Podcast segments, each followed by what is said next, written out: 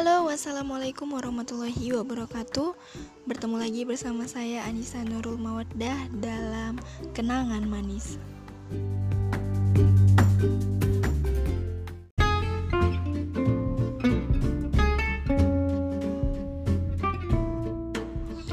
Oke, kali ini kita akan membacakan kiriman dari sahabat kita. Dia mengirim kisahnya, kisah pengalaman pahit dan manisnya anak kuliahan. Langsung aja kita bacain ya. Assalamualaikum warahmatullahi wabarakatuh. Perkenalkan nama saya Tasya Sridayanti, asal dari Koto Kampar, Provinsi Riau. Di sini saya menceritakan tentang pengalaman saya pertama masuk Universitas Islam Negeri Sultan Syarif Kasim Riau.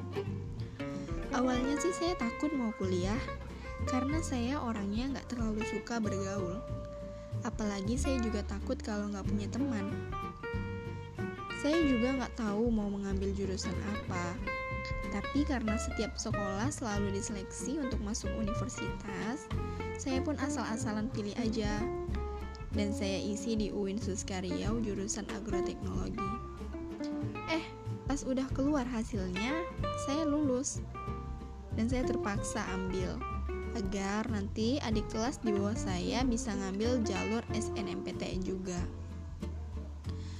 Awalnya saya antara mau ngambil dan enggak, tapi ya udah ambil aja. Mana tahu di situ rezeki saya.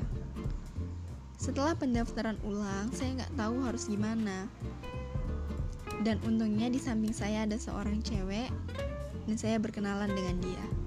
Namanya Anissa Nurul Mawaddah.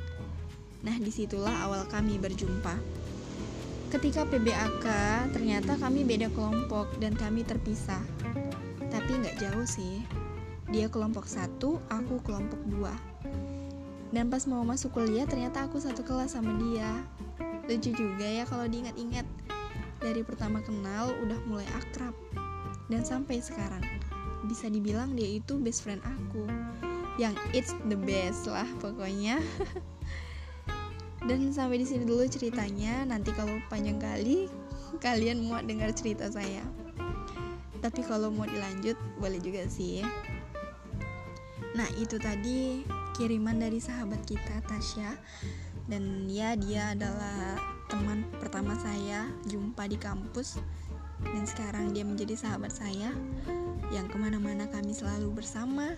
Sampai pergi kuliah juga bersama.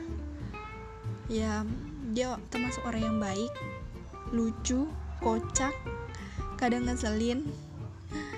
Dan dia juga kalau udah tidur susah banget bangunnya. Dan dia termasuk anak yang aktif ya lasa tapi saya bahagia bisa kenal dengan dia.